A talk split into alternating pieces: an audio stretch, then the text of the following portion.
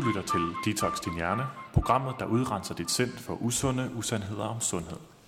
Velkommen til afsnit 5 af programmet Detox Din Hjerne. Jeg hedder Morten Elsø, og jeg har en kandidatgrad i molekylær ernæring og fødevareteknologi, og jeg bruger øh, den ernæringsfaglighed til at punktere de myter, der bliver til forhindrende overbevisninger for øh, for sund adfærd, kan man sige, sådan helt overordnet.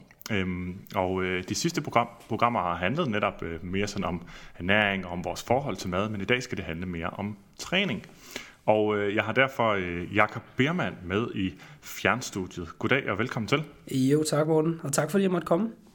Jamen, det var så lidt. Jeg havde besøg af dig i øh, fredags, var det vist, til Lige en, øh, en øh, man sige, bogreception part 2 her i, i Aarhus. Fordi, øh, der er nogle, øh, fordi du har skrevet en bog, for det første. Kan du ikke fortælle lidt om den? Det kan jeg da i hvert fald. Jamen i store træk er det jo, øh, som jeg nogle gange lidt sjovt har kaldt det, øh, træningens øh, slut med forbudt. Forstået mm. på den måde, at der jo er enormt mange negative overbevisninger om, hvad kroppen kan og må, som begrænser folk i deres træning. Øh, og det er jo noget, som resulterer i, at når folk skal fokusere på deres løfteteknik, så bliver det meget i sort-hvid, uden nuancer, altså rigtig forkert, i stedet for fordele og ulemper.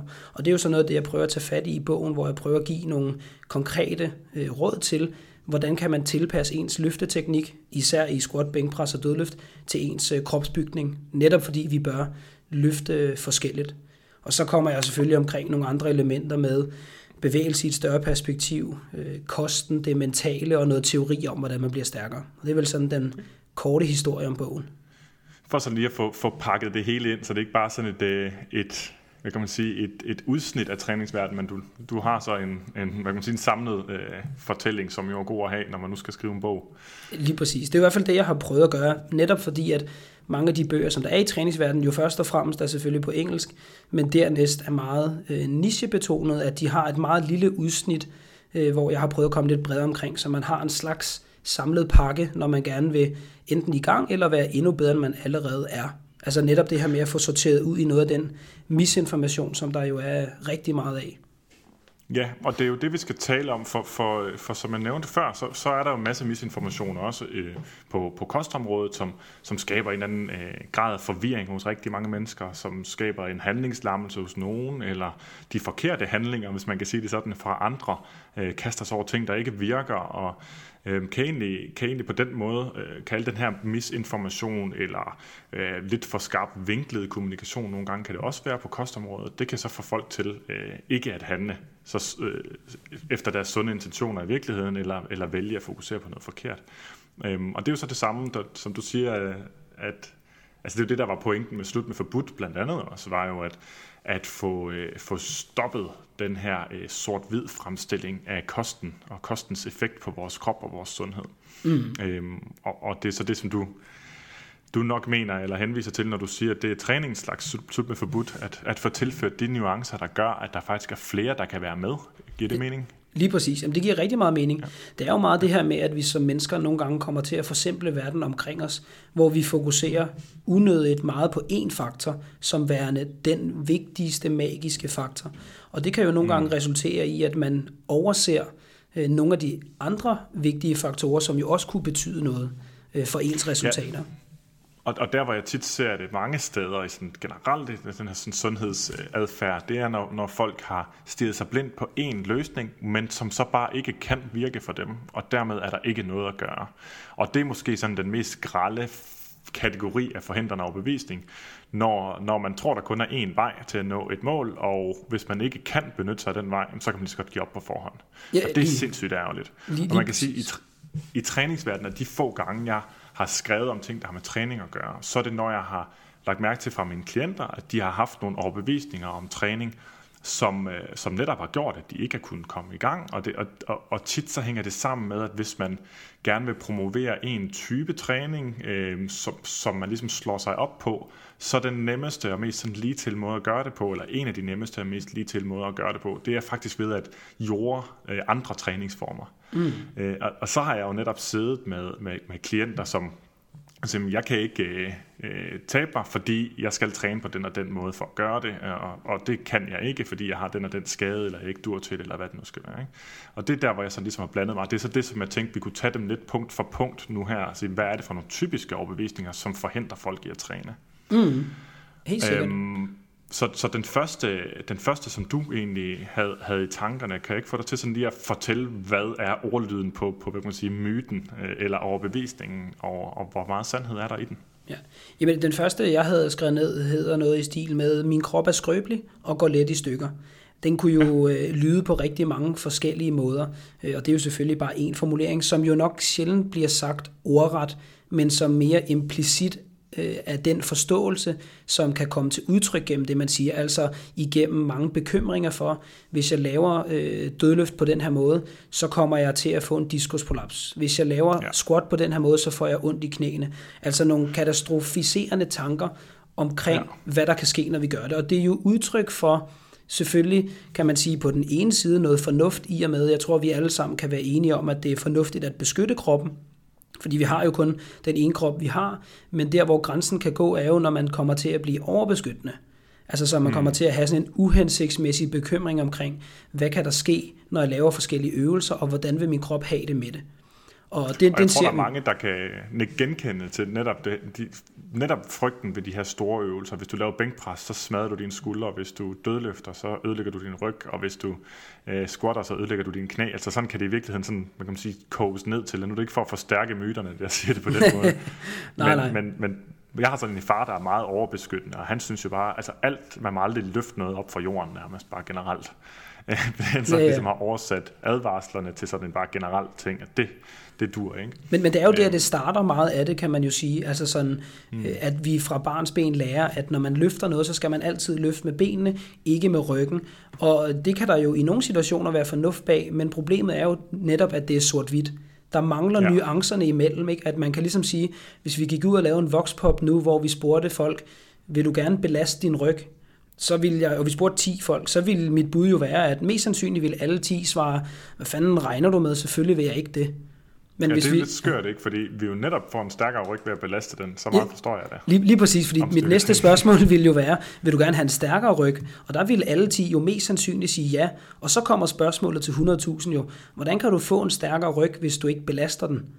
Og, og ja. det er jo netop, som du siger, øh, jo øh, meget, meget, meget svært. Ikke? Så, så der er en eller anden diskrepans imellem det, man gerne vil opnå, og så det, man tror, man kommer til at opnå, hvis man gør det, eller vejen derhen. Ikke? Øh, og, mm. og det er jo uhensigtsmæssigt, men det er jo noget, som på mange måder er opstået gennem alt, hvad vi har fået at vide øh, gennem vores opvækst, og den diskurs, der er i samfundet omkring, hvordan man bruger øh, ens krop. Ikke? Så man kan ligesom sige, at øh, vi jo lærer gennem vores erfaringer, blandt andet. Og vores ja. erfaringer med smerte for eksempel er jo, at vi falder og slår os, og så gør det ondt et sted. Så der kommer til at være en kobling for os imellem, at vi har slået os et sted, har fået en skade, og at vi har ondt. Og sådan er det jo også meget ofte, skal man jo huske at sige, at skade og smerte hænger ofte sammen. Men det gør det bare ikke altid. Og det er jo der, hvor at, at, at man er nødt til at lære lidt mere om smerte og nervesystemet, kan man sige. Altså ligesom vores erfaring er, hvis jeg spørger dig, hvilken farve har svaner? Så vil du svare... Så siger de sorte. Så siger du de sorte, lige præcis, fordi du jo er, som alle, som alle ved, så... Fordi jeg er bare provokerende. nej, så er du jo bare provokerende. Nej, så er du jo fra Australien, det ved vi jo alle sammen. Det er derfor, du har den der lidt specielle accent, ikke? Men at hvis du havde været dansker, så ville du jo have svaret hvid. Og, og, og det er jo netop gennem vores erfaringer, men det fortæller jo ikke nødvendigvis en objektiv sandhed om svaner. Det fortæller bare noget om den kontekst, vi vokser op i, og det samme kan man sige omkring kroppen. Så det modstykke, jeg prøver at lære folk, det tager udgangspunkt i en grundsætning, som hedder, alt hvad din krop kan, det må den. Og den øh, grundsætning øh, for nogen kan jo lyde provokerende eller meget udfordrende, fordi vi er i et paradoks eller en par, et paradigme lige nu, kan man sige, hvor at vi har en meget overbeskyttende tilgang til kroppen. Der er meget øh, fokus på frygt og alt det, vi ikke må. Og øh, dermed er den jo et meget modstykke til det, men, med, men budskabet med det er, hvis din krop, en eller anden led, kan lave en bevægelse i en bestemt retning, så må det gerne det. I 90'erne så talte fysioterapeuter meget om, at man må ikke tage nakken tilbage, altså bøje hovedet bagud. Ja, det kan jeg huske. Det har jeg også fået ved min far mange gange. altså fordi så kunne man jo faktisk forstue nakken, ikke? Det var det, man sagde. Og de fleste nu øh, smiler jo lidt skævt, måske griner en lille smule af det, fordi vi godt ved, at selvfølgelig må man godt bøje nakken bagud. Øh, nu kan man jo så sige, at, at fokus ligger mere på, at man ikke må bøje nakken forover. Altså for eksempel at se på sin mobil. Øh, og øh, i træningsverdenen har fokus jo mere været på det her med, at knæene må ikke komme foran tæerne, når man squatter. Og, og det er ja. jo alle sammen nogle eksempler på et meget, meget snævert fokus, hvor man prøver at isoleret set øh, se på en bevægelse og gøre den farlig. Og det giver ja. ikke rigtig nogen mening. Og det er jo der, hvor at alt, hvad din krop kan, er et modstykke, øh, altså alt, hvad din krop kan, må den, som fortæller, at isoleret set er ingen bevægelse farlig, men man kan selvfølgelig lave noget for meget, for ofte, for hurtigt, for tungt osv. Men allerede her har vi jo introduceret en anden faktor end selve bevægelsen, som jo med andre ord er dosering. Eller som i slut med ja. forbudt, når det handler om mad, moderation. Ikke? Altså sådan ingen fødevare isoleret set kan være slanken eller fedende. Det afhænger jo af mængderne. Og det samme gælder ja. bevægelser. Og jeg tænker lidt i, i, i forhold til det, så kommer jeg til at tænke på, hvor mange, altså jeg havde læst om på et tidspunkt, mange hvad hedder det, amerikanske basketballspillere og træner rigtig mange timer dagligt, og der tænker vi ikke, at der er noget farligt ved det. Selvfølgelig kan vores fødder holde til, at vi løber rundt på dem hele tiden. Det kan de faktisk ikke, og de får, de får det, der hedder træthedsbrud, og det er ikke, fordi jeg ved særlig meget om træthedsbrud, men der ligger der noget i ordet, der tyder på, at det netop handler om dosering. Øhm, og der er ting, som vi altså ikke kan holde til. Man får træthedsbrud i fødderne. Og så kommer jeg til at tænke på noget andet. Nu må du rette mig, hvis jeg tog fejl omkring det der. Men jeg kommer til at tænke på noget andet, øh, som du også havde talt om, som jeg var ved at skrive om en gang, kan jeg huske. For jeg har nemlig også altid fået at vide, at man må ikke styrketræne som, som barn. Mm. Øh, og at, at og samtidig så lå der også i den øh, fortælling om det en, en grundantagelse hos befolkningen om, at styrketræning, især de her sådan tunge, øh, klassiske løft, ikke? Øh, er farlige, og, og dermed er farlige kan oversættes til, at der er stor skadesrisiko. Mm. Men så vidt jeg ved, og det snakkede vi også lidt om i fredag, så er skadesrisikoen er faktisk ret lav øh, i, hos styrkeløfter i forhold til øh, kontaktsport, øh, for eksempel, som vi jo affinder os meget med i Danmark med både fodbold og håndbold, hvor folk jo altså kommer til skade ja, relativt ofte. Ja, og det er jo der, hvor der er en eller anden form for altså sådan, øh, misforståelse omkring den samtale, der foregår, den tanke, man har omkring, hvordan styrketræning er. Netop fordi, at forskning jo faktisk peger ret klart på, at det her med at lave tung styrketræning faktisk er en utrolig sikker måde at bevæge sig på. Hvor at hvis man ja. ser på i forskningen, hvor stor er skadesrisikoen i en eller anden given idræt, så måler man det typisk per 1000 træningstimer. Og så ser man, at ja. per 1000 træningstimer, så vil man i øh, en sportsgren som fodbold eller håndbold, typisk øh, hvis man kombinerer både kamp og træning, ligge i et eller andet område af 13-17 skader per 1000 træningstimer i sådan nogle gængse idrætter som fodbold og håndbold. Mens man i en idræt som ishockey for eksempel typisk vil være et sted mellem 50 og 80. Så det er lidt højere. Men hvis det er man også så, en del, må man sige. Og, og det er jo også en del. Men hvis man så sætter det op imod øh, for eksempel øh, styrkeløft, altså tung styrkeløft, squat, bænkpres og dødløft, så ser man, lidt afhængig af studierne, man ser på, at øh, der ligger skadesantallet i området af en skade per 1000 træningstimer. Så det er jo et meget, meget lavere antal, end der er i både fodbold og håndbold for eksempel. Men hvis man ja. skulle se på den antagelse, der er i samfundet, så ville de fleste forældre, gætter jeg jo på, hellere sende deres 15-årige knægt til fodbold og håndbold, end de ville sende dem til tung styrkeløft. Ja. Og så kan man jo sige, for at følge op på det, du sagde med, med børn og, og styrketræning, så er det jo en myte, som der igennem mange år har eksisteret, men som jo er blevet tilbagevist gentagende gange, at øh, styrketræning hæmmer altså ikke øh, væksten. Så kan man jo selvfølgelig følge det op af igen nuancerne med, jamen skal et, øh, en 12-årig knægt nødvendigvis lave maksløft hele tiden? Nej, det vil jo næppe give mening. Man må jo... Men der er heller ikke mange, der skal lave maksløft hele tiden. Nej, det kan lige... vi jo så vende tilbage ja, det kan vi vende tilbage. Så det også Helt sikkert. sat på spidsen. Til Helt sikkert, men, men det er der, hvor... Jeg huske, øh, jeg startede faktisk, jeg styrketrænede med min mor, da jeg var 12. Mm. Og det kan vi jo tydeligt se, at jeg er jo ikke blevet særlig høj. Nej, lige præcis. Så, du så er jo kun 2 meter og 10.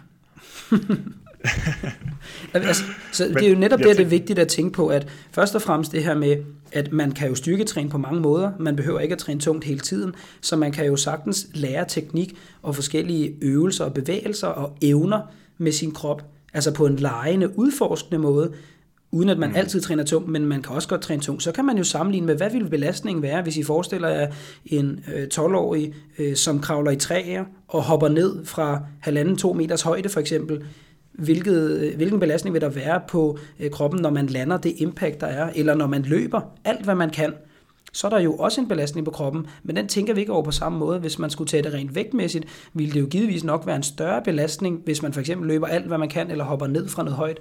Øh, så, så belastningerne, når man leger, er jo generelt store, men vi anser dem som øh, ufarlige, og det er de jo også, hvis man gør det på en, en måde, hvor man jo selvfølgelig gradvist vender sig til det, man laver. ufarlige. ja, ja, altså, altså det er jo klart, øh, alt øh, i for store mængder eller ukontrolleret er jo selvfølgelig øh, potentielt skadeligt. Det er klart.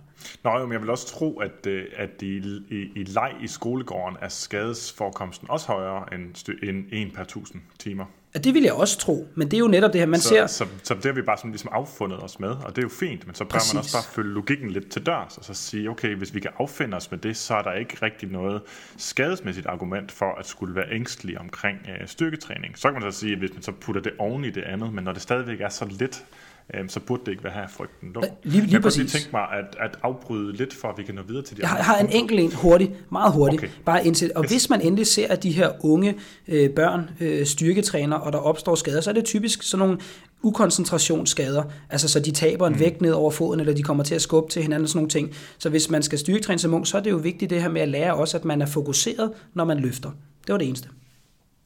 Ja, ja men det, det er jo også, øh, det kan man jo sige, der, der er kommet mere fokus på det. Det er jo egentlig der, jeg vil hen nu. Øh, en ting er, at der kommer mere fokus på det, sådan at skadesrisikoen vil, vil falde fremadrettet sandsynligvis, fordi flere og flere personlige trænere, øh, altså der er et marked for personlig træning, og flere og flere personlige trænere bliver dygtigere og dygtigere, og folk vil så dermed kunne løfte mere rigtigt, ikke? Øhm, for dem, og jeg ved godt, der ikke er, det ikke er sort-hvidt, men altså, for dem, det er en god tilføjelse. Som giver mere mening, ikke? Ja, så jo dygtigere man bliver, jo, jo lavere vil skadesrisikoen nok også være per løft. Ikke? Øhm, jo, så den næste ting, det var egentlig, fordi du snakkede om det her med, at- med at løfte tungt og løfte vægt, og det har jo været sådan for bare måske 6-7 år siden, der var det lidt mere nichet, hvor det at løfte tungt, det i dag er sådan noget, som, som ligger øverst på listen over interesseområder i den sådan offentlige sundhedssfære, i hvert fald blandt folk, der er mellem sådan 15 og, og 35-45 år. Mm. Så, så, så er det at har du ikke sådan samme fornemmelse, at det er i hvert fald, at der, der er vendt meget i sådan folkets stemning i forhold til at løfte tungt? Og helt klart, det, det er blevet allemands eje. Altså, det kan Ja. man jo se, hvem der er medlem i træningscenter nu og kommer, og jeg kan jo se det på mit eget klientel også. Ikke? Altså, jeg kan sagtens have en, øh, en 60-årig, som skriver til mig, at øh, de gerne vil have tjekket deres squat, bænkpres og dødløftteknik igennem. Det synes jeg, der er og man cool. kan sige, så, så, så det er gået fra at være øh, stort set kun for mænd, og stort set kun for mænd, der i forvejen havde en anden træningserfaring, øh, til at det nu er for både mænd og for kvinder, og for unge og for ældre, og, for, øh, øh, og, og kan doseres ja, i for, på forskellige vis til de forskellige, og at der er mange, som prioriterer faktisk at få hjælp til det, så der er også blevet en generel forståelse for, at det er noget, som hvis man lærer det ordentligt, så er det et godt fundament, eller det kan give en masse godt. Men så er der så også sket det, som, som jeg nævnte helt i starten, at, at tit så når der er et eller andet øh, nyt, hvis man kan sige det sådan, der bliver promoveret, så bliver der lidt trådt på andre ting. Mm. Så en ting er, at, at der er det store fokus på at løfte vægt, og rent faktisk øh, altså arbejde mod belastning, og ikke kun kropsvægt, eller ikke kun slå ud i luften, eller øh, body pump, eller hvad det nu skulle være, som, mm. som vi ved ikke rigtig har en muskelopbyggende effekt.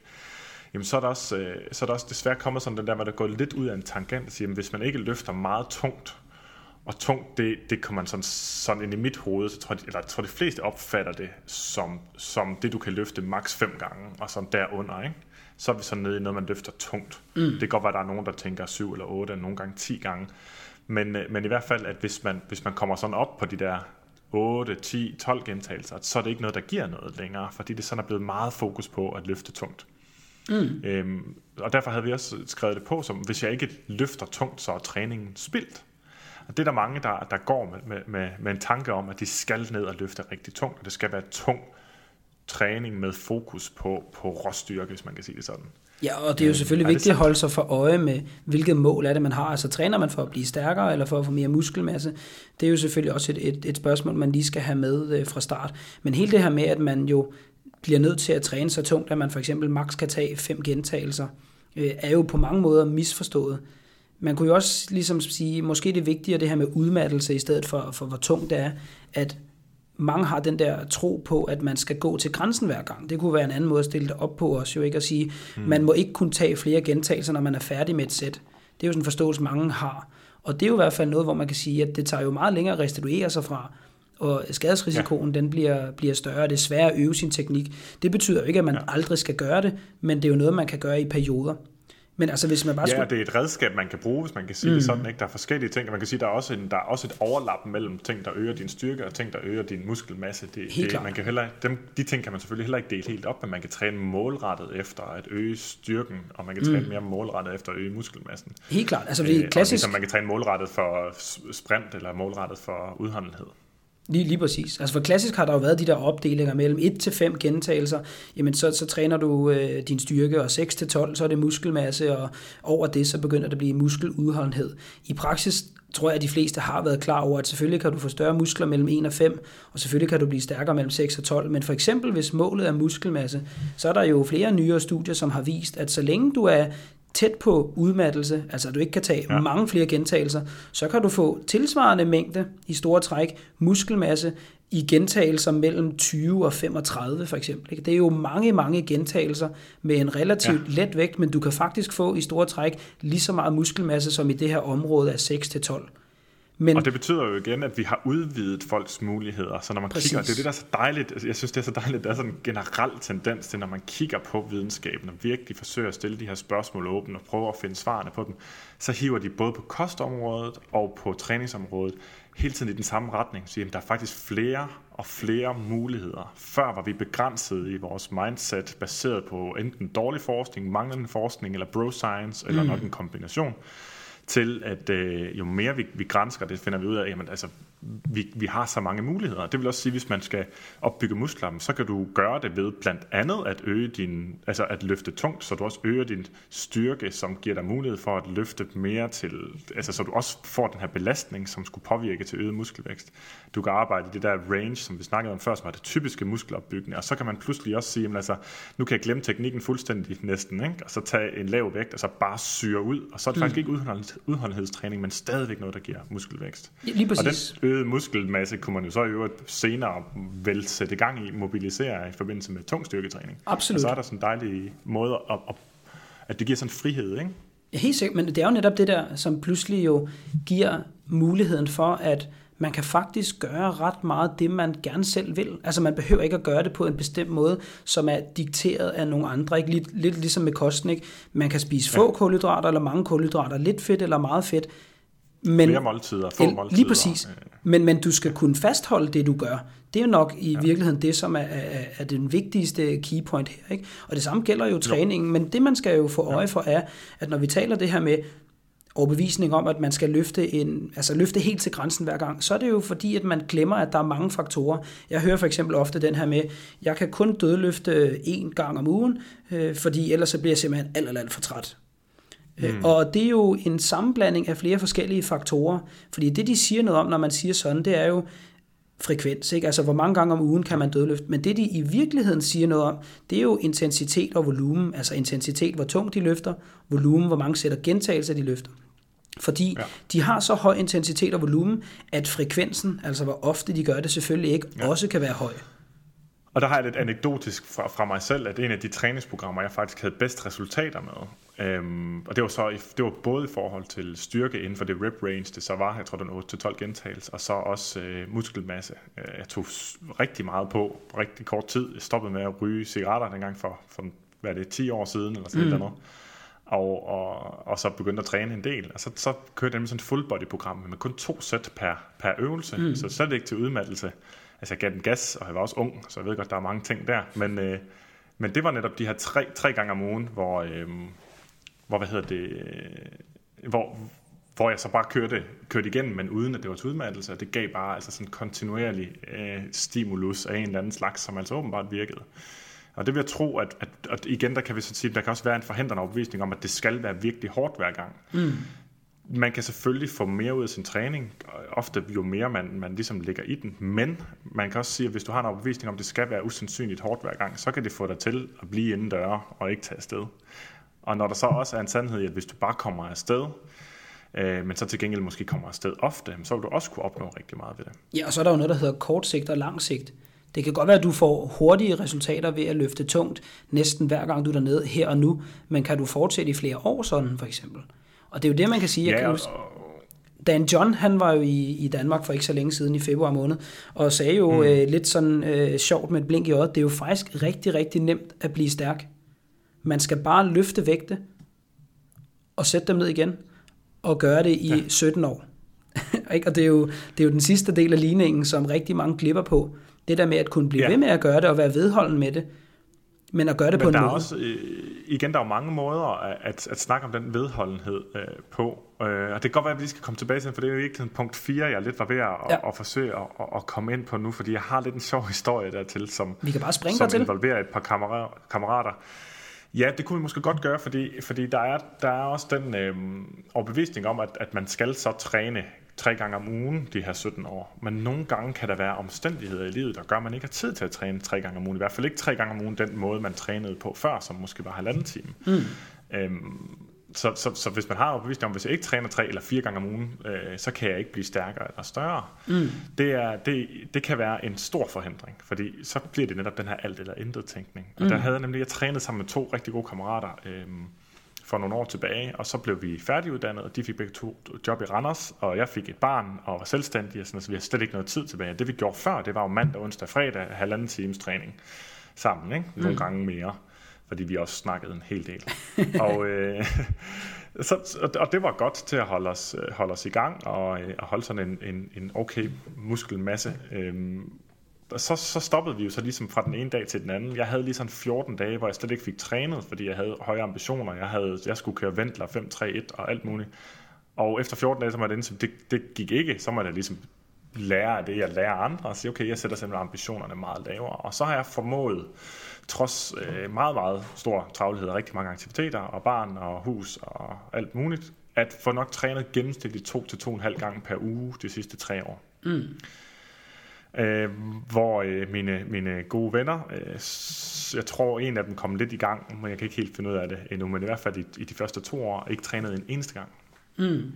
Ud fra øh, en overbevisning blandt andet om, at hvis ikke vi træner tre gange, så er der ikke rigtig noget at komme efter. Mm.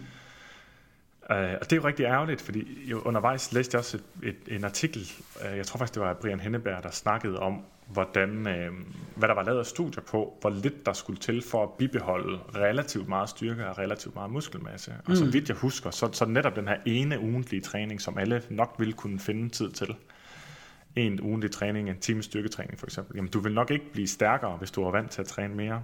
Eller det vil du ikke blive. Men du vil, du vil kunne beholde måske 80-90% af massen eller styrken øh, i, i, i ret lang tid.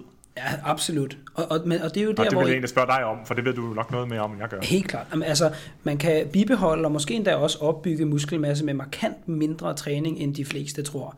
Og netop ja. hvis den overbevisning, man har, bliver hæmmende for, at man faktisk overhovedet træner, øh, så er det jo et kæmpe problem. Jeg har ofte hørt den der med, øh, jeg plejer at kalde det jagten på det perfekte træningsprogram at man ligesom ja. trawler hele internettet igennem for at finde det perfekte træningsprogram. Man spørger, hvad gør de professionelle?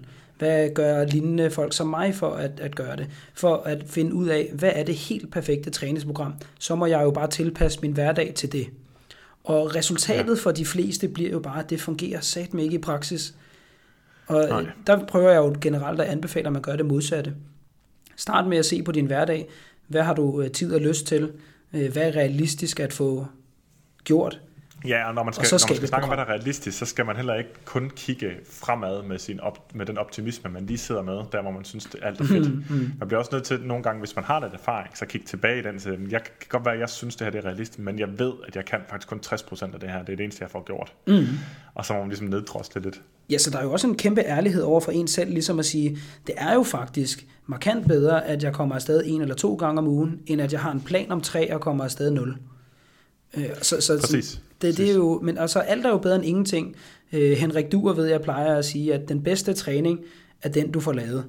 Og, og det er der ja. jo rigtig meget øh, fornuft bag. Men netop det her med, hvor meget skal der egentlig til for at opbygge styrke, muskelmasse, eller bare vedligeholde det, der vil jeg sige, en god styrketræning, øh, måske endda hver tiende dag, det kan sagtens bibeholde størstedelen af både den muskelmasse og styrke, du har. Selvfølgelig er det klart, hvis du er på elite-niveau. Og det kan også og man kan så sige, at en semi-god styrketræning hver femte dag vil så også kunne gøre, bare for at udvide mulighederne mm. endnu mere, ikke? Helt sikkert. Den vil, kunne, den vil jeg våge påstå, at man godt kunne få fremgang med.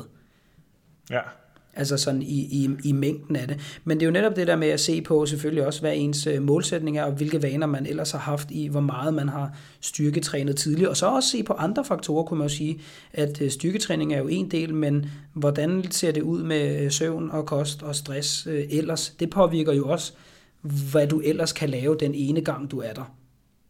Klart, klart. Ja, og hvad der ellers øh, bevirker, at du får en god eller en dårlig træning. Mm. Jeg har jo stort set altid min telefon ud til træning, og det er virkelig en rigtig dårlig beslutning. Mm. Øh, en gang imellem, så, så har jeg ligesom uh, selvdisciplin til at lade den, lade den ligge derinde, og så bliver det hele jo super sæt, og jeg får faktisk sved på panden, og føler, at jeg når et eller andet sted i nærheden af udmattelse. Og mm. normalt, der, der, øh, altså det er også, når man har en familie og så videre, så kan det også være rart sådan lige at komme ud og have lidt jeg-tid.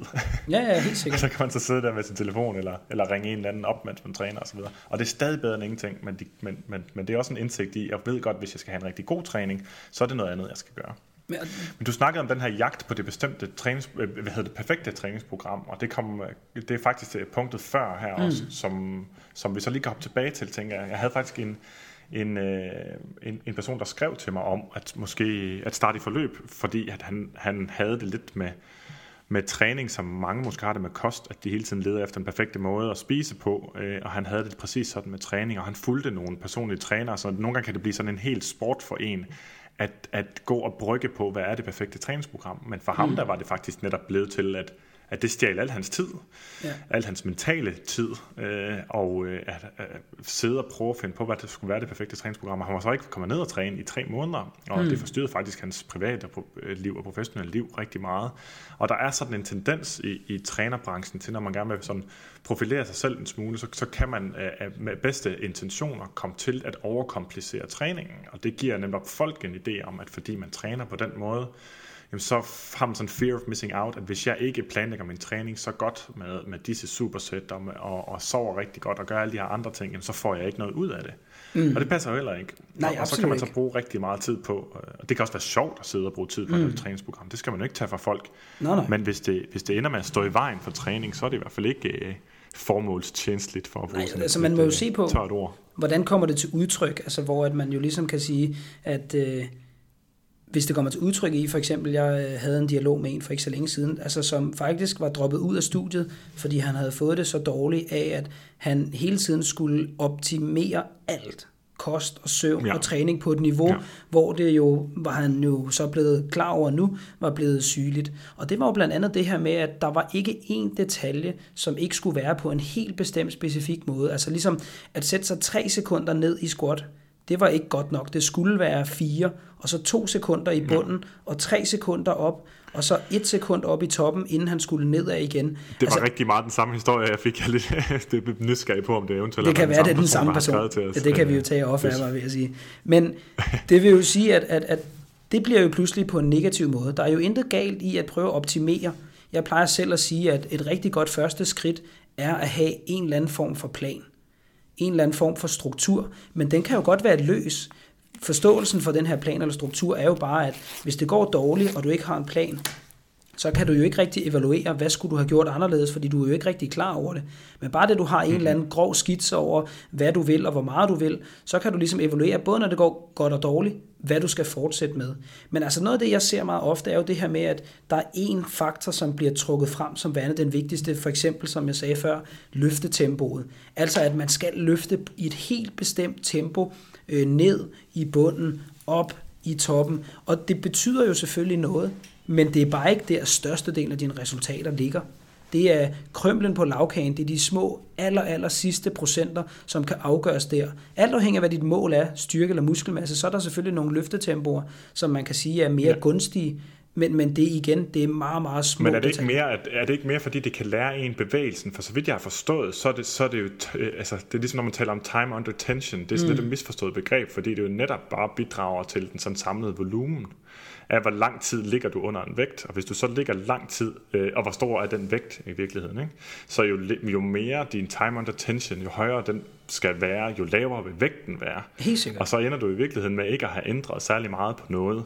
Så, så, så, så hvis, hvis jeg skulle gætte, så ville jeg sige, at, altså, at, at øge time under tension mere havde at gøre med eventuelt at få en bedre muskelkontakt, hvis, hvis det sådan er noget, man kunne arbejde med, eller, eller få analyseret, eller forstået, eller få lært sin krop bevægelsen bedre. Men i forhold til at skulle give den en større belastning, så, så ender det jo med, at det gør det faktisk ikke. Ja, det er jo og man kan en, se, der er lavet nogle studier, balance. jeg har set på, for, ja, ja, selvfølgelig er det en balance, men jeg har set, hvis man svinger for meget ud af, ud af den tangent med høj uh, time under tension, jamen, så ser man jo faktisk, at folk de ikke får løftet tungt nok, og så ikke får den stimulus med. Ja, altså det faktisk kan give mindre muskelmasse. Der var jo noget af det her, Ja, for eksempel uh, super slow træning, altså 10 sekunder ned, 10 sekunder op, og det viste sig jo bare, at det faktisk gav mindre muskelmasse, jo netop, som du siger, fordi man jo ikke kan løfte noget overhovedet. Men der er jo et skæld Ja. imellem, at hvis man for eksempel løfter for styrke, træner for styrke, hvis vi skal kalde det det, så er man jo generelt ikke så interesseret i nødvendigvis at holde spændet på musklen, man er jo interesseret i at rykke en tung vægt fra A til B. Og det betyder at man kan bruge markant mere fart, for eksempel i den ekscentriske fase, og man jo presser alt, hvad man kan i den koncentriske fase. Og der vil man nok. Ja. godt kunne argumentere for, at når målet er muskelmasse, så er det i hvert fald vigtigt, at man holder en eller anden form for spænding på musklen igennem hele løftet. Og Præcis, og der, der kan man jo så, det, men det er jo så netop for at få, få opnået så, så meget belastning som muligt på, altså med den vægt, som man nu alligevel bruger. Ikke? Ja, altså Brad Schoenfeldt var jo i Danmark for ikke så længe siden. Han øh, talte jo blandt andet meget om, at, øh, at holde øh, hver gentagelse samlet set under øh, 6 sekunder, ikke? For eksempel som ja, Ja, en grænse, øh, hvor litteraturen cirka er nu, at det kan godt give mening at sænke den øh, det tempo, du løfter med både ekscentrisk og koncentrisk, men hvis du skal løfte så langsomt, at du kan løfte markant mindre, end du ellers ville have kunnet, så er det mest sandsynligt ikke en god strategi. Men så, Nej, så kan man jo sige, at der er jo andre øh, elementer, for eksempel øh, det her med at lære en bevægelse. Jeg bruger jo selv sådan noget med 5 sekunder ned, 5 sekunder op, men der gør jeg det jo ikke ud fra øh, time under tension som mål for at få større muskler, men for at kunne lære bevægelsen.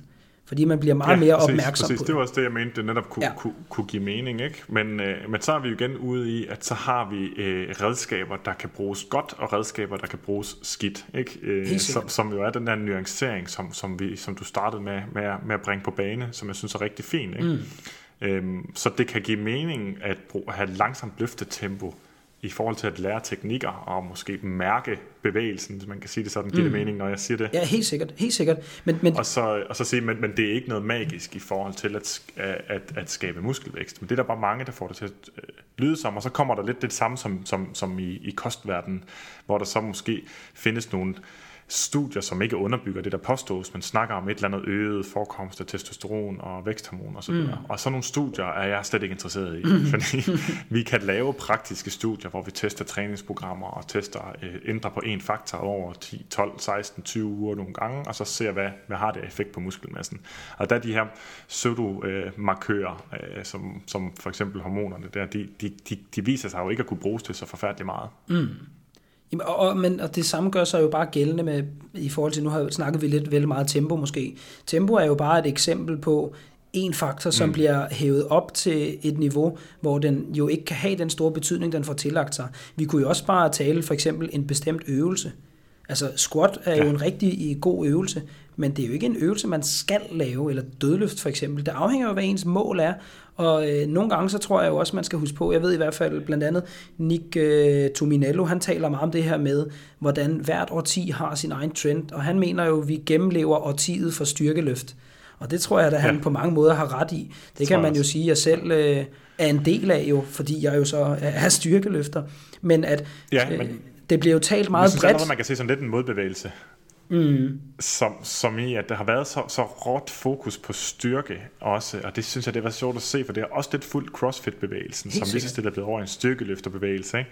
Mm. og hvor, hvor, det, hvor, hvor det, det skal ikke er, så, så først så bliver det sådan lidt anti det, der var tidligere, ikke? så anti, anti store arme, for eksempel. Mm. Store arme, det er, ikke, det er ikke sejt, det viser, at du kun er fo- fokuseret på æstetikken, så nu skal du have store ben, og så begynder folk at poste billeder mm. af deres store ben, og det er, der er jo ingen forskel på at have store lår, end på at have store arme i, i, i, i den forstand. Ikke? Det er bare blevet et nyt, øh, Ja, det er et nyt et nyt ideal, så det følger bare fuldstændig sådan de samme gamle...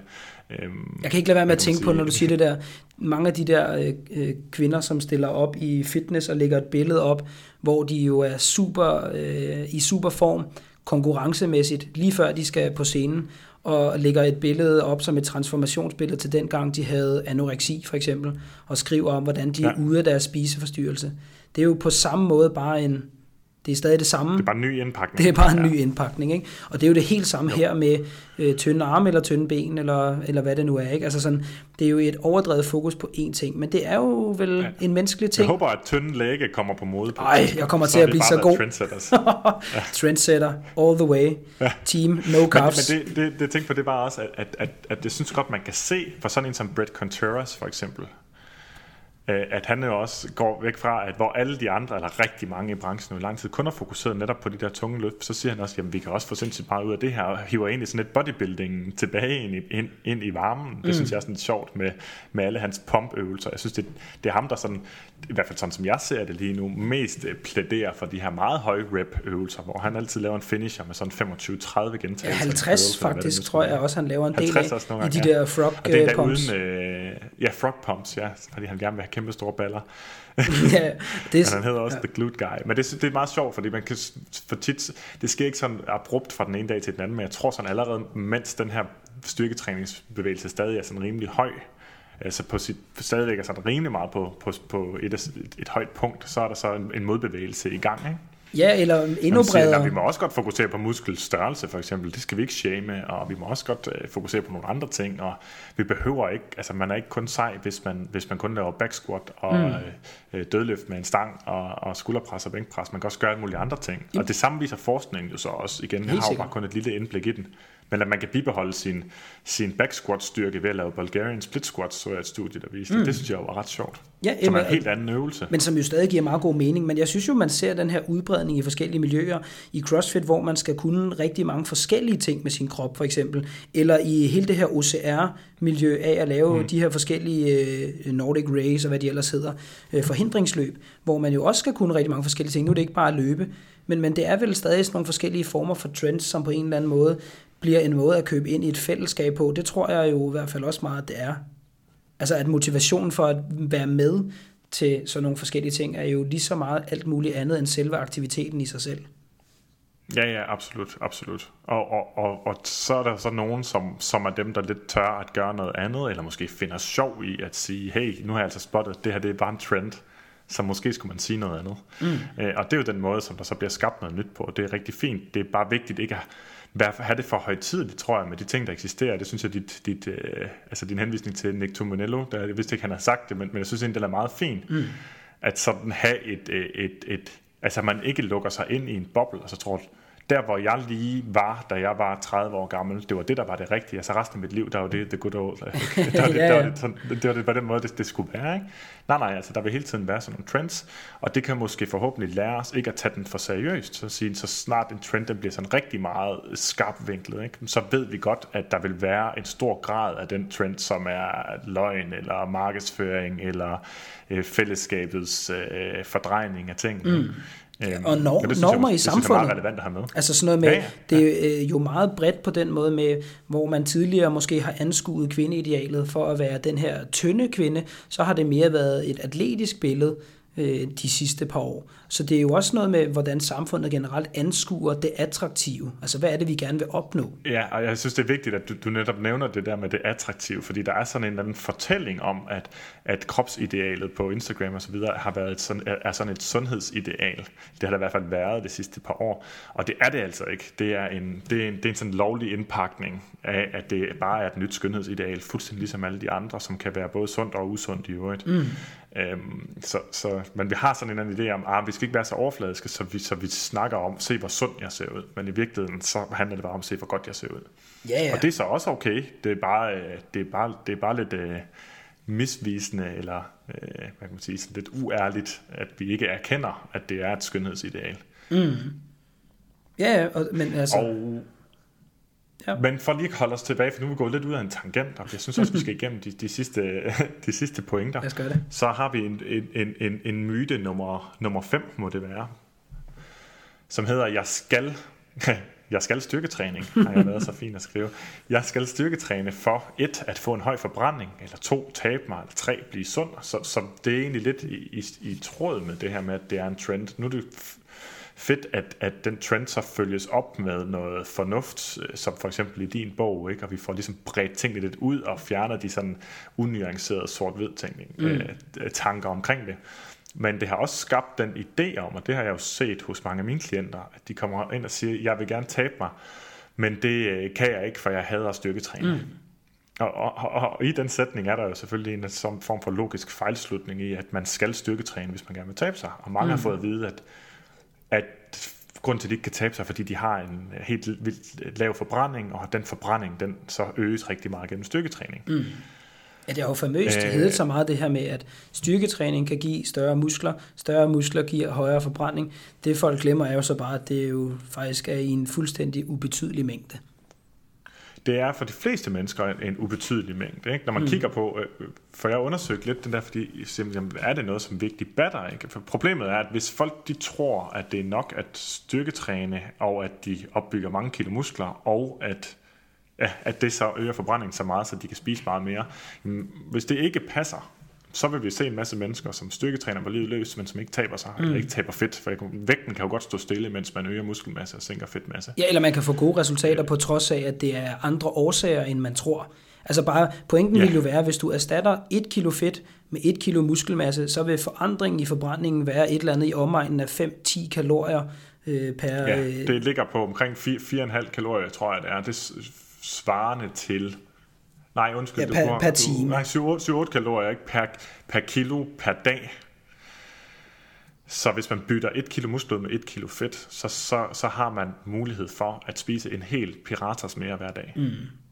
Og det er jo i praksis og, og, ikke så frygtelig meget piratas. Nej, og, og det, det er virkelig sådan et videnskabeligt princip, som man godt kan tage med sig herfra og bruge alle mulige andre steder også.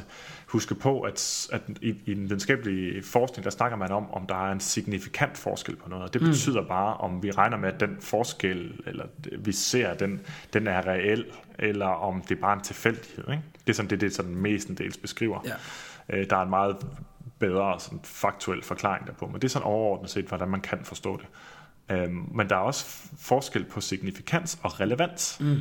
Og når vi skal vurdere, om, om en forskel er relevant, så er det jo netop den her absolute størrelse. Og, og så vil sige, selv hvis du så tabte 5 kilo fedt og øgede med, de, med 5 kilo muskler, så vil det så være øh, hvad hedder det, 5 pirater. Ikke? Hvis du så ikke tabte de her kilo fedt, men bare byggede det på, øh, så vil det så være, så vil det så være en smule mere, ikke? Øh, måske så 7-8 pirater dagligt, men det er fandme heller ikke meget. Altså, det er Nej. meget nemt at kompensere for, kan man sige. Ikke? Og det ved vi, at folk gør generelt ret meget, desværre. Begynder at bevæge sig mere, så spiser man også mere. Øh, og de her, selv hvis det var 50-100 kalorier, så vil det være meget nemt at, at kompensere. Men, men det er jo virkelig meget et spørgsmål om kommunikation, ikke? fordi man kan jo, jo. I, i store træk godt tillade sig at sige, at man et kilo muskelmasse forbinder, forbrænder jo næsten tre gange så meget som et kilo fedt. Det lyder jo helt... Det er rigtigt, det, og det vil jo være misvisende. Det lyder helt vildt ikke? jo. Ja. Men, men i praksis netop, ja, ja. så gør det bare ikke nogen særlig forskel, fordi vi er nede i en mængde kalorier, som er så lave relativt set til vores samlede kalorieindtag per dag, at det ikke er der ja. forskellen skal findes. Men det spiller jo ind i nogle af de her ting. Altså så, hvis, hvis man ligesom skulle prøve at træde et skridt tilbage og sige, hvad, hvad kunne man så sige ville være gode øh, løsninger eller alternativer til det, så er det måske med at træde, eller at prøve at fokusere på, hvad er det, jeg har lyst til? Hvad er det, der gør mig glad i min hverdag? Hvad er det, jeg øh, er fysisk aktivitet, som jeg kunne få ind, hvis det ikke er styrketræning? At det jo heller ikke er magisk, ligesom vi kan sige, at i styrketræning men, er tempoet vi, ikke magisk. Nej, og, og man kan også starte derindefra. Altså sige, ofte så har folk også et stærkt billede af, eller et, et klart billede, som måske er forkert, af hvad styrketræning er, og mm. det kun er én ting. Ja, sandt. Æh, hvis man tror, at styrketræning kun er øh, træning med, med frivægte, det er det jo ikke. Man kan også godt træne i maskiner, mm. selvom det så bare er blevet totalt shamed, ikke? Ja, ja. selvom rigtig mange vil kunne få noget ud af det. Helt sikkert. Æm, det kan være, altså der er mange måder at styrketræne på i virkeligheden. Ikke? Altså TRX-træning er jo i virkeligheden også styrketræning. Ja, ja. falder vel ind under det. Ikke? Og der er rigtig mange forskellige måder at styrketræne på. Man kan styrketræne alene, man kan styrketræne sammen, man kan styrketræne på hold, man kan have en personlig træner. Men tit så, så har folk fået sådan helt klart enormt restriktivt, hvis man kan kalde det det, øh, for at holde øh, den her sådan, øh, ja, for at holde, bruge samme ord som om, om kosten, ikke? I forhold til, hvad er det, jeg skal gøre mm. for at blive sund, kan den da være. Ikke? Og der er ikke nogen tvivl om, at det er sundhedsfremmende for, for rigtig mange danskere at øge deres muskelstyrke og muskelmasse, øh, fordi det er ikke det, vi har stået imod med, når vi bliver ældre. Det er det, der afgør, hvornår vi falder første gang, mm. i hvert fald en høj del af det. Ikke?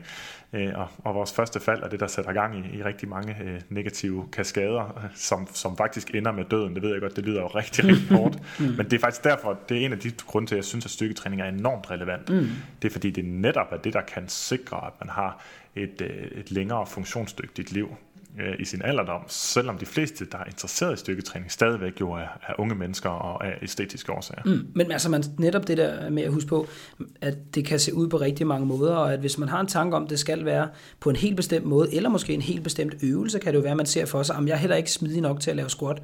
Altså så er der jo ja. klart, der er en begrænsning, men det kan jo være alle mulige mm. andre øvelser eller metoder, som man kan bruge til det, og det giver jo en frihed på samme måde som forskellige kosttilgange kan give en frihed, ja. når man ved, at man ikke behøver at være religiøs. Så man kan vælge ud fra præferencer Præcis. og muligheder og livsvilkår og forhold og hverdag og så videre. Ikke? Mm. Jeg vil også bare spørge, det, det ved du så nok mere end jeg gør, hvad vil være dit bud på, hvor mange typer af øvelsen squat der findes? det er sgu et svært spørgsmål. Sikkert mange tusind.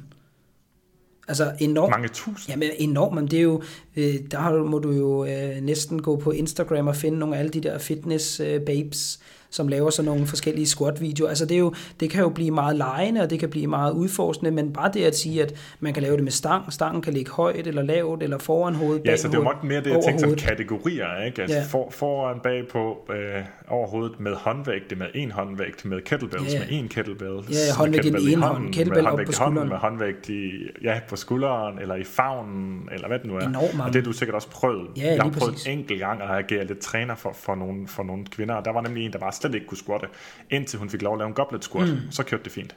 Lige præcis. Øhm, og, og, og, og allerede der, der er der, der er der det her med, at man stiger sig blind på noget, som i virkeligheden er en verden af muligheder. Så på et tidspunkt skal man så, synes jeg også, du har helt ret i, så skal man jo netop lave et eller andet program, fordi hvis man hver dag kommer ud i et træningsrum med en verden af muligheder uden en plan, så tror jeg, der er mange, der vil bare fedt lidt rundt og så gå ind igen. Ikke? Det er super svært at gøre. Altså, der er jo mange, tror jeg, som fortæller sig selv den historie om, at de godt kan lide friheden i ikke at have en, et fast program, for eksempel, hvor at de har, hver dag kan de bare gå ned, eller når de nu kommer ned og træne, gør lige præcis det, de har lyst til. Det er en kæmpe frihed, men for rigtig mange er det sat med svært så at stå og vælge, hvad er det, jeg skal gøre, kontra det nogle gange i det samfund, vi lever i i dag, bare kunne slå hovedet lidt fra, og så bare gøre det, der står ja. på planen. Det tror jeg altså kan være en stor hjælp. Det er jo en af de ting, jeg ofte hører fra klienter. Noget af det, jeg bedst kan lide, og det ved jeg så ikke, om det er et kompliment eller ej, ved programmet, det er, at øh, en anden en, der har lavet det, så jeg ikke behøver at tænke så meget over, hvad der skal ske. Men det er jo selvfølgelig også på grund af det klientel, jeg har. Altså som jo netop går meget ja, ja, op i detaljerne. Det er selvfølgelig farvet af det, men jeg kan, jeg kan i hvert fald godt øh, genkende til det her med, at man har et eller andet, man skal, fordi ellers så, man har, hvis man har, øh, det er lidt ligesom med maden, der har jeg jo altid været, eller ofte lang tid været sådan modstander af kostplaner og alt sådan noget med for mange regler osv. Det er jeg også stadigvæk, men, og der er nemlig den men, der hedder, at for nogle mennesker giver det rigtig god mening, at alt er planlagt, mm. for netop at reducere tankerne omkring maden. Og jeg tænker også, på samme måde kan det give mening for folk, som øh, i forhold til træning, at man netop kan slå hjernen fra, i stedet for at man skal træffe en masse beslutninger. Jeg ved så fra mig selv også, og også fra andre, at når man skal træffe alle de her beslutninger, når så først det klokken er over 8, og man endelig er kommet ned og træne om aftenen for eksempel, ikke? Mm.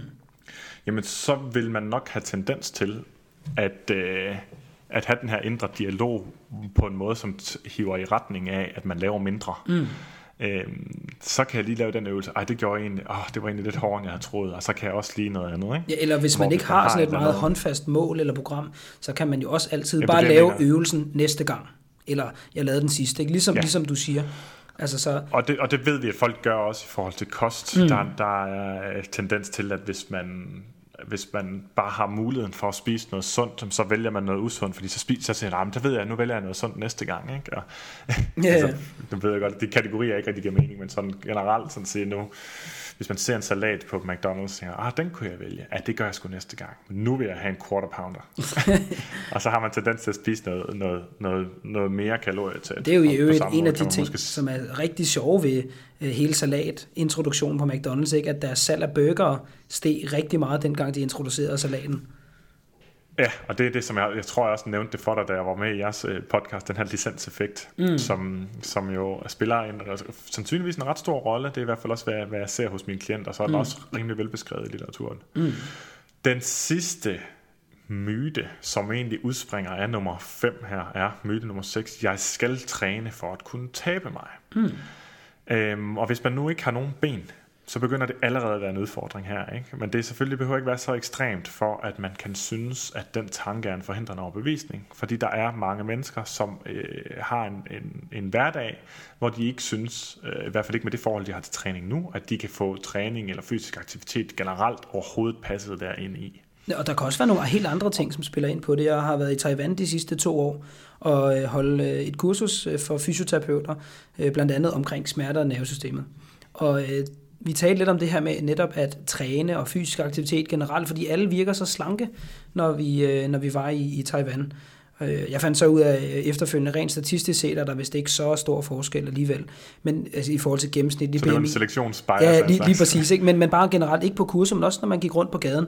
Men det, da vi snakkede om det, så sagde de, at styrketræning, det er bare ikke særlig populært. Det der med fitnesscenter, det er sgu ikke lige sagen. Og hvorfor var det sådan? Det er så simpelthen det her med at svede.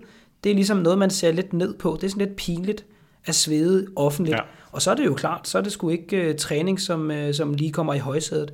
Det tror jeg jo så ikke lige, at det er bias, vi har i Danmark, at man ikke ser det her med sved. Men, øh, men det kan jo også være nej, en forhindring. Nej, det tror jeg ikke, men, men, men, det, men det, det er en sjov en, fordi det er sådan det, det, den forhindrende opvisning, som jeg vil sige falder under kategorien sociale regler, som mm. vi har en hulsmasse for, øh, for maden også, hvor man kommer til at spise mere, end man egentlig har lyst til, fordi man gerne vil passe ind i fællesskabet, eller ikke vil udstødes derfra. Ja, kage på arbejdet, og, ikke? Øh, ikke at sige nej tak til jo, den. Jo, præcis. Kage på arbejdet er sådan et godt eksempel, eller man tror, man siger nej til svigermors kærlighed, hvis man siger nej til hendes øh, til portion nummer 17. og, og, og, det er jo sådan lidt sjovt, hvordan, hvordan så forskelligt. Det har vi så heldigvis ikke i Danmark. Der, der er folk sådan de fleste i hvert fald øh, har det øh, rimelig fint over, at der er løbere, der okser afsted, og øh, der er nogle få, der, der er lidt sure over det. Men ellers så, øh, så, så er det rimelig okay at træne og bevæge sig, og også når man sveder og poster og lugter mm. øh, af det. Men, men hovedpointen her er men, vel øh, men, netop det der med, at du kan faktisk øh, jo meget hurtigt øh, spise flere kalorier, end du har trænet øh, væk. Ja, man kan vende den på to måder. Ikke? Man kan sige, hvis du nu træner øh, hår, rimelig hårdt for den almene, ikke i form dansker, øh, i, øh, træner rigtig hårdt i en time, så, så vil du måske forbrænde et sted i omegnen af 500-600 kalorier. For nogen vil det være mindre, for nogen vil det måske være lidt højere. Mm. Øhm, og, og det er relevant, fordi det er, er nu engang kalorieunderskud, der driver vægttab. Så hvis man nu gjorde det hver dag og ikke kompenserede for det, så vil man tabe omkring, øh, omkring øh, et halvt kilo om ugen. Mm på den træning. Ikke? Hvis man øh, så går hjem og spiser en plade riddersport, så har man tabt 0 ting, 0 ting, 0 kalorier. Men så har man jo øh, fået riddersport. Ikke i underskud, ikke? Så har man fået riddersport, og så har der været plads til den, og det er også helt okay. det er bare relevant at vide, at det er meget, meget ja. nemt og hurtigt at indtage 600 øh, kalorier. Man kan også spise to håndfulde øh, mandler og rosiner. Ja. Det er også omkring 600 kalorier. Afhængig af størrelsen på ens øh, hænder. Selvfølgelig. selvfølgelig. Men, men ja, på ja. den måde går det jo meget så, hurtigt. Det er den ene vej, ikke? Den ja. anden vej er jo, at... Og så den anden vej, ja. Ja, du kan tage den. Nej, kom, kom du bare.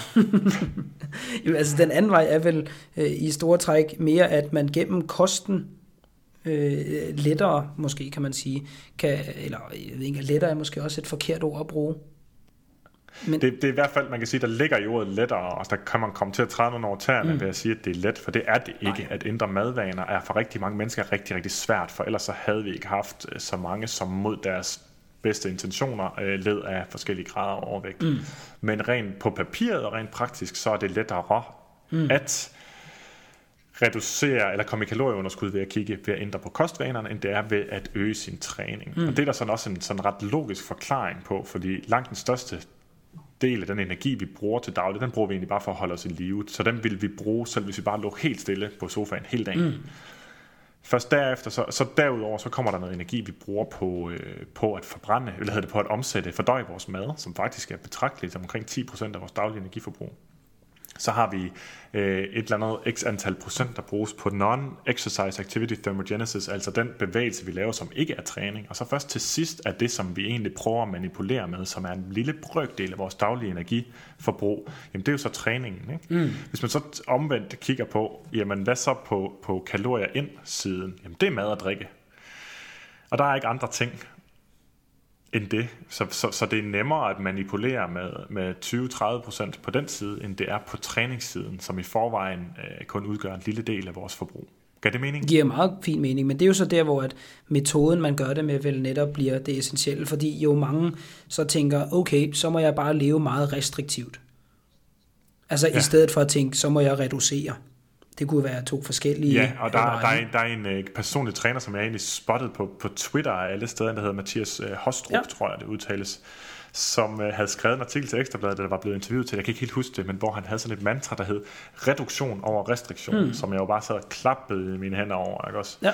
Uh, det er så dejligt, når, når, når, når jo flere vi er, som som, øh, som ligesom taler om det på den måde, taler om kosten på den måde. Ja. Hvor kan vi reducere? Og det er ikke bare at reducere mængden, det er jo så, vi skal sigte efter at reducere kalorier. Det kan man gøre ved at reducere mængden af maden, øh, reducere kalorietætheden i maden, eller begge dele. Ikke? Mm. Jamen, han, han er dygtig. Han er, øhm. han er det samme sted som mig. Jeg så også, han havde øh, skrevet øh, en, øh, en opdatering på Instagram omkring det der TV3-program, Min Fat Shamende Træner.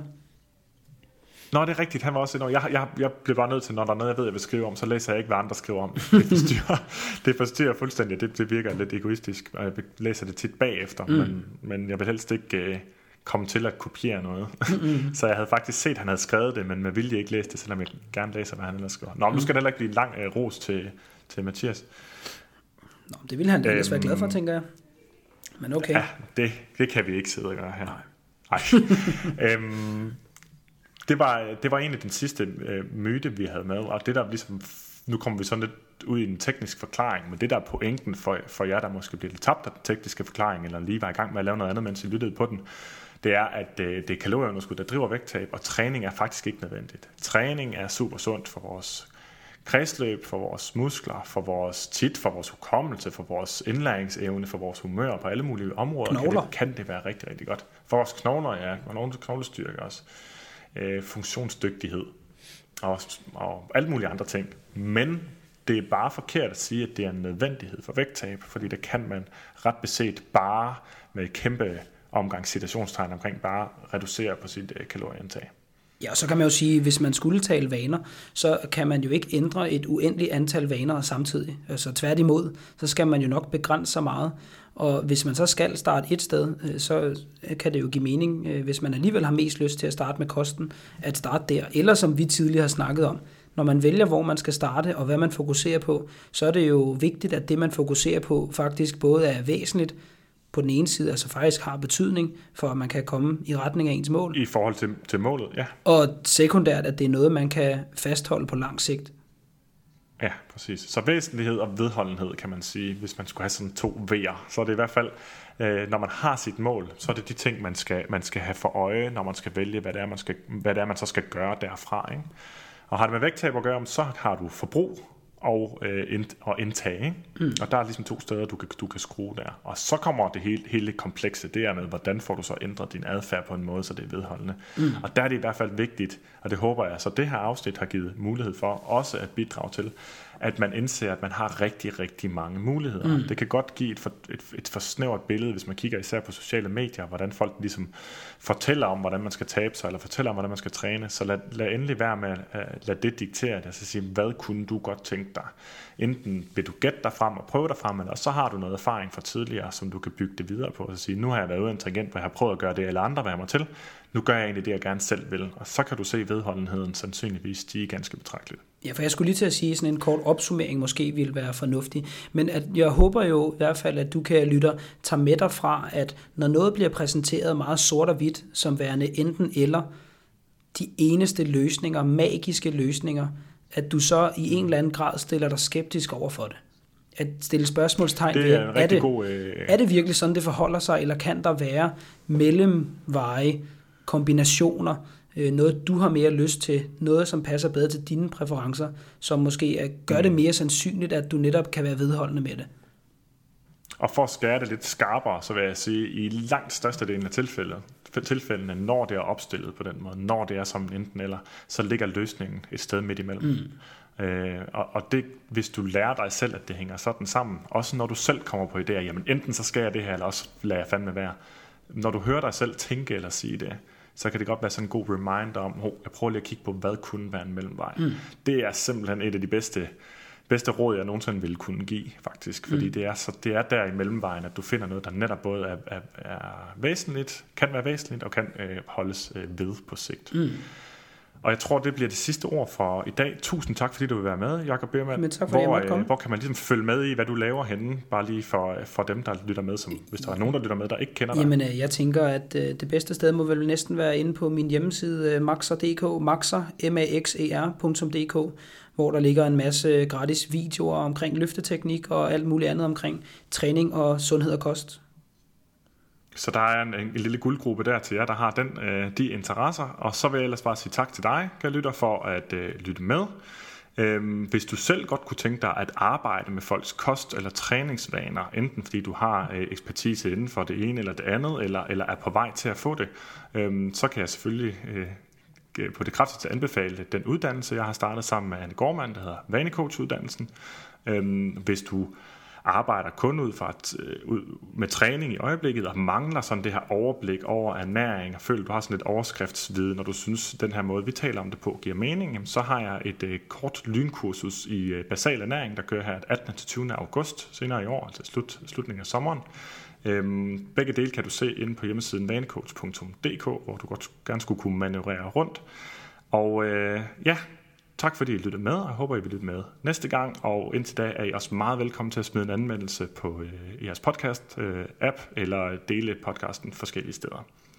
Tak for nu, og tak for det, Jacob. Tak for det.